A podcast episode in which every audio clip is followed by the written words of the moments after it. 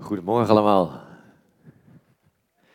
We gaan vandaag inderdaad uh, het tweeluik afsluiten over, uh, over de waardes van de Stadskerk. Waar staat de Stadskerk nou voor? En dat gaan we doen aan de hand van Lucas 19.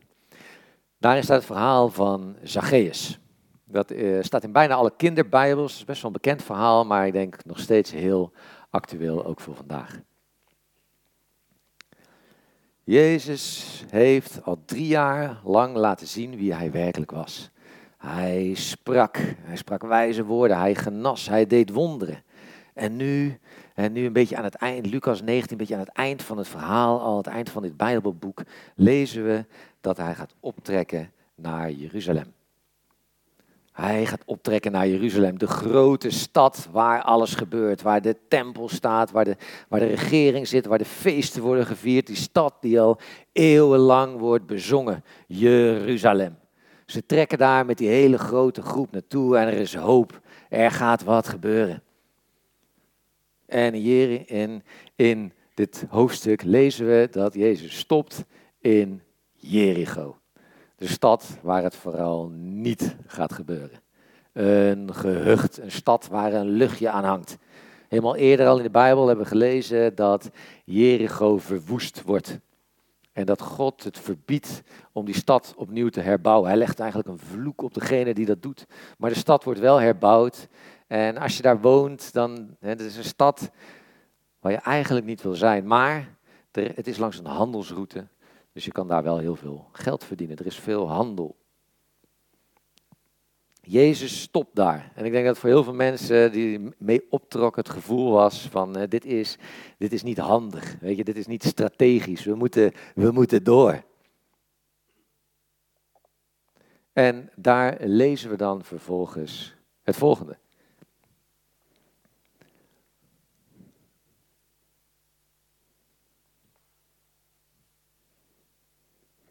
Kijk, gelukkig. Jezus ging Jericho in. En hij trok door de stad. En er was daar een man die Zacchaeus heette. Het was een rijke hoofdtollenaar. Hij wilde Jezus zien om te weten te komen wat voor iemand het was. Maar het lukte hem niet vanwege de menigte, want hij was maar klein van stuk. Er waren zoveel mensen dat Zacchaeus, hij kon er niet bij. En Zacchaeus is trouwens niet zomaar iemand, hè, dat staat er. Hij is, een, hij is een rijk iemand, een heel rijk iemand. En, en eh, zeker in die culturen, die eerculturen, dan moet je als man van middelbare leeftijd een beetje gratie uitstralen, wijsheid, en vooral als je rijk bent. Kijk, in Nederland, als je een man van middelbare leeftijd, als die gaat hardlopen of mountainbiken, hè, dan, dan, ben je best nogal een baas. Maar daar in die culturen moet je vooral, moet je vooral rust uitstralen. Een eercultuur. Maar Zacchaeus, die, die kan er niet bij, hij komt er niet bij, hij is te klein.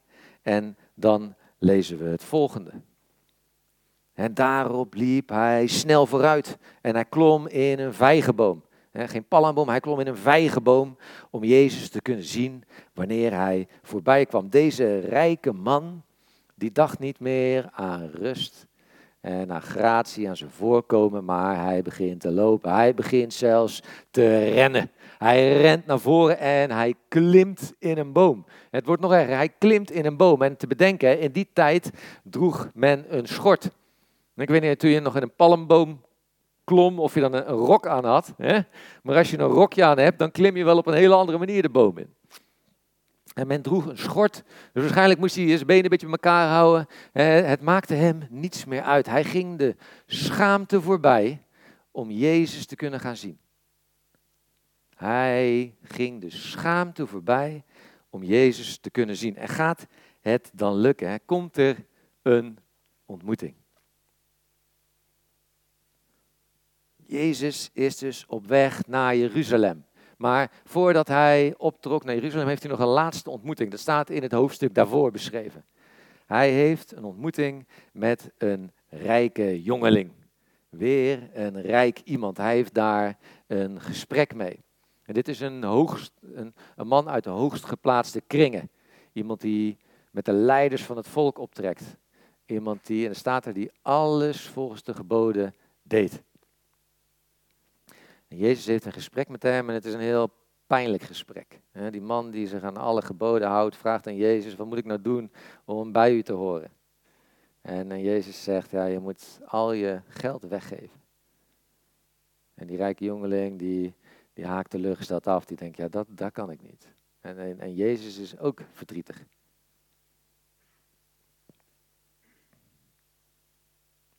Jezus zegt het is lastig voor een rijk iemand om te geloven. En, en nu dan, in dit hoofdstuk, is er weer een ontmoeting met een rijk iemand. Alleen Zacchaeus is niet bepaald een rijke jongeling. Hij is niet iemand die zich aan alle geboden houdt. Hij is een tollenaar, staat er. Een hoofdtollenaar. Dat is iemand die met de Romeinen hulde, hè, met de vijand meewerkte en daar belasting inde. En daar is hij heel rijk van geworden. dus die hele, hele menigte die daar is, die optrekt naar Jeruzalem, die hoopt dat Jezus een nieuw koninkrijk gaat stichten en die Romeinen eruit gaat gooien. Ja, die trekt op. En met wie gaan ze dadelijk, als dat nieuwe koninkrijk er is, ook afrekenen? Welke gasten gaan ze kaal scheren? die, die tollenaars. Dit is een verrader. Nou, als, als het al een pijnlijke ontmoeting is met deze rijke jongeling, hoeveel te meer gaat het dan een pijnlijke ontmoeting zijn met deze Zacchaeus? Hij kan de bomen. Zacchaeus hoopt Jezus dus te zien in het gat Jericho. Op een plek waar heel veel mensen Jezus niet verwachten. En ze verwachten Jezus in de hoofdstad, daar waar het belangrijk is. En vandaag ook de vraag aan jou. Op, op welke plek ben jij vandaag? In welke situatie ben jij? Ben je op een plek waarvan je denkt, stopt Jezus hier ook? Of denk je, het is nu een beetje weggezakt hè, met corona. Uh, het is allemaal een beetje kalmpjes. Maar straks, weet je, straks als alles weer open is, dan, dan gaat het gebeuren. Of, of voel je je misschien nog jong en denk je, nou, als ik nou wat ouder ben, hè, dan gaat het gebeuren. Of als ik nou meer bijbelkennis heb, dan gaat het gebeuren. Of als ik, deze, ik moet eerst even deze kerk nog even leren kennen en dan, dan gaat het gebeuren. Kijken we niet veel te vaak naar straks, naar de toekomst, als ik dit nog even regel, kijken we niet naar het Jeruzalem. Als ik daar ben, dan gaat het gebeuren. En naast dat we kijken naar straks, vandaag. Weet je, hoe, hoe graag willen wij Jezus eigenlijk ontmoeten? Op de dinsdag is bij ons altijd een beetje de drukke dag. Mijn vrouw Jessica, die werkt dan ook een volle dag. Oma komt dan gelukkig een beetje helpen. Dus we hebben allebei een lange dag gemaakt. Komen we thuis, is het eten. dan moeten we, moeten we naar de voetbal, dan moeten we naar de hockey, komen we weer terug. We moeten gedoucht worden, alles opgeruimd, het hele huis aan kant. Moeten nog kinderen naar bed brengen, drie stuks. En dan vaak op de dinsdag, eh, best wel laat op de avond, hè, dan... Een paar weken geleden, ik plof op de bank neer, alles was klaar. En ik zit op die bank en ik merk dat ik eigenlijk een beetje dorst heb. Ik denk, ik lust wel wat te drinken. En misschien nog wat lekkers bij, we maken er wat gezelligs van. Maar om nou weer helemaal op te gaan staan hè, en naar die koelkast te lopen. En dan ook voor Jessica wat in te schenken. Hè, je, laat maar. Ik blijf zitten, ik pak de televisie of de afstandsbediening en we gaan lekker televisie kijken. Als we naar dat verhaal van Zacchaeus kijken, hè, die ging rennen, die ging klimmen, die de schaamte voorbij ging, dan komen er allerlei vragen in mij op. En met de vraag van ja, hoe graag willen wij eigenlijk Jezus ontmoeten? Zitten we niet veel te vaak gewoon lekker op die bank te hangen? En denken we, ik zou dat best wel willen. Ik wil, ik wil dichter bij Jezus zijn. Ja, maar, maar om nou helemaal op te staan en daar naartoe te lopen, weet je, ik heb al zoveel. Wanneer, wanneer is nou de laatste keer geweest dat je echt de schaamte voorbij bent gegaan? Wanneer is nou de laatste keer geweest dat je bent gaan rennen, dat je bent gaan klimmen? Dat er allerlei mensen om je heen dachten van, wat doet hij nou? Wanneer is nou die laatste keer geweest? En als je hier vandaag voor het eerst bent, of je bent nog de gast, goed voor je. Je bent die bank afgekomen. Ik hoop dat we als stadskerk hier onbekend staan. Dat we hier, dat we Jezus centraal hebben staan. Dat we een verlangen hebben om dicht bij Jezus te zijn. Die Zacchaeus die, die wilde Jezus heel graag zien. Maar hij kwam er niet tussen. Het was hartstikke druk. Ik denk ook dat ze hem er gewoon niet tussen lieten. Hè? Dat ze dachten, eh, wat doe jij nou hier? Dit, dit is Jezus, dit is een man gods. Dat ze hem er gewoon niet tussen lieten. misschien herken je dat ook wel, dat je er niet helemaal tussen past. Op je werk, op school. Maar we horen het ook wel eens in de kerk, ook wel in de stadskerk. Mensen zich niet helemaal op een plek voelen. Van ja, het lijkt wel of hier allemaal geslaagde mensen zitten.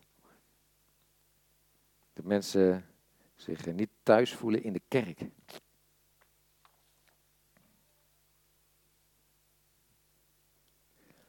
Jezus is op weg naar die hoofdstad Jeruzalem. En onderweg stopt hij in het gehucht Jericho, de plek waar je vooral niet wil zijn. Jezus komt langs op elke plek waar je ook maar bent. Het is Jezus die stopt. Het maakt niet uit of je lekker gaat of dat het vervelend met je gaat. Het maakt niet uit waar je staat, of je al super gelooft of dat je twijfelt. Het is namelijk Jezus die stopt op de plek waar je bent. Je hoeft niet ouder te zijn, je hoeft niet meer Bijbelkennis te hebben. Je hoeft niet hè, op te trekken naar eerst naar het grote Jeruzalem, maar Jezus wil stoppen op de plek waar je bent nu, vandaag. Het ligt niet aan waar wij staan, hoe wij presteren. En, en dan blijft het ook niet bij dat, dat Jezus dat, je, dat hij stopt. Hij wil ons namelijk ook ontmoeten. En dat staat verderop in het verhaal. En toen Jezus daar langs kwam, keek hij naar boven en hij zei: Zacchaeus, kom vlug naar beneden, want vandaag moet ik in jouw huis verblijven. En Zacchaeus kwam meteen naar beneden en hij ontving Jezus vol vreugde bij zich. Toen Jezus daar langskwam, keek hij naar boven en hij zei, Zacchaeus. Hij kende zijn naam. Jezus wist hoe Zacchaeus heette. Hij zei, Zacchaeus. Jezus noemt ons bij onze naam. En Zacchaeus, weet je wat Zacchaeus betekent? Het betekent rein en onschuldig, rechtvaardig. Jezus noemt deze man direct bij wie hij werkelijk is. En misschien is het leven anders eh, gelopen, maar hij noemt hem bij zijn naam. Hij noemt ons bij onze naam. Hij weet wie we zijn en hij roept ons. Zacchaeus is dolblij. Hij komt die boom uit. En dan, hij is vol vreugde. Niet, niet omdat hij zo'n baas is, hè, omdat hij het allemaal goed voor elkaar heeft. Maar omdat hij beseft, weet je, dat is Jezus die mij uitnodigt. Niet omdat ik daar dan recht op heb. En dat is iets dat voelt een beetje ongemakkelijk. Hè? Hoe, hoe zit dat nou? Hij heeft daar geen, helemaal geen recht op. En dat, die, ja, die mensen daar, die voelen dat ook. Alle die dat zagen, die zeiden morgen tegen elkaar. Ja, hij is het huis van een zondig mens binnengegaan. Om onderdak te vinden voor de nacht. Dit voelt tegenstrijdig. En wij worstelen daar denk ik ook wel eens mee. Te Vaak willen wij graag rijke jongelingen zijn. Willen wij rijke jongelingen in de kerk. En dan zien we wat er bij die ander mis is. Weet je, in de stadskerk willen we inclusief zijn. Dat betekent niet dat we water bij de wijn doen. Dat betekent niet dat we de lat lager leggen. dat we het gaat, alle kerken lopen leeg en we moeten ook een beetje met de tijd meegaan. Dus laten we dan maar wat, de lat wat lager leggen. Want we willen toch graag groeien. En natuurlijk mogen we ergens voor staan. Natuurlijk mag je principes hebben, gepassioneerd ben zijn en graag zelfs ergens voor gaan. Maar wel altijd met die houding dat Jezus bij ons allemaal water bij de wijn doet. En dat Jezus bij ons allemaal die lat lager legt. En dat als we elkaar gaan benaderen, met die houding van, nou, ik heb het eigenlijk wel een beetje op orde, maar die, die ander, kijk dan. kijk naar wat die anderen toch allemaal, daar, moet, daar moeten toch iets van zeggen. dat als, als we op die manier elkaar benaderen, maar ook als we op die manier Jezus benaderen, dan legt Jezus bij ons een lat neer. Net als die rijke jongeling. Net als bij die rijke jongeling. Een lat die we niet kunnen halen. Zijn we niet allemaal een Zacchaeus?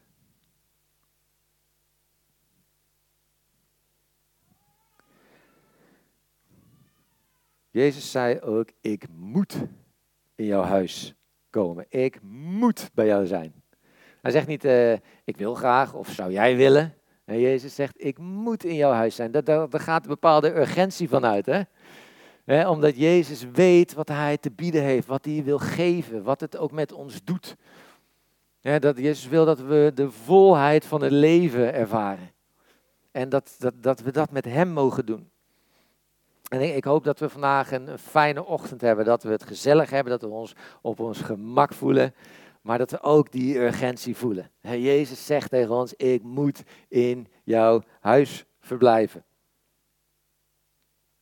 En, en als die daar dan is, Jezus in dat huis, weet je, dan zal Jezus toch wel eindelijk een keer een preek gaan geven. Dan zal hij toch zijn Jezus wel eens even gaan vertellen wat er allemaal wel niet misgaat.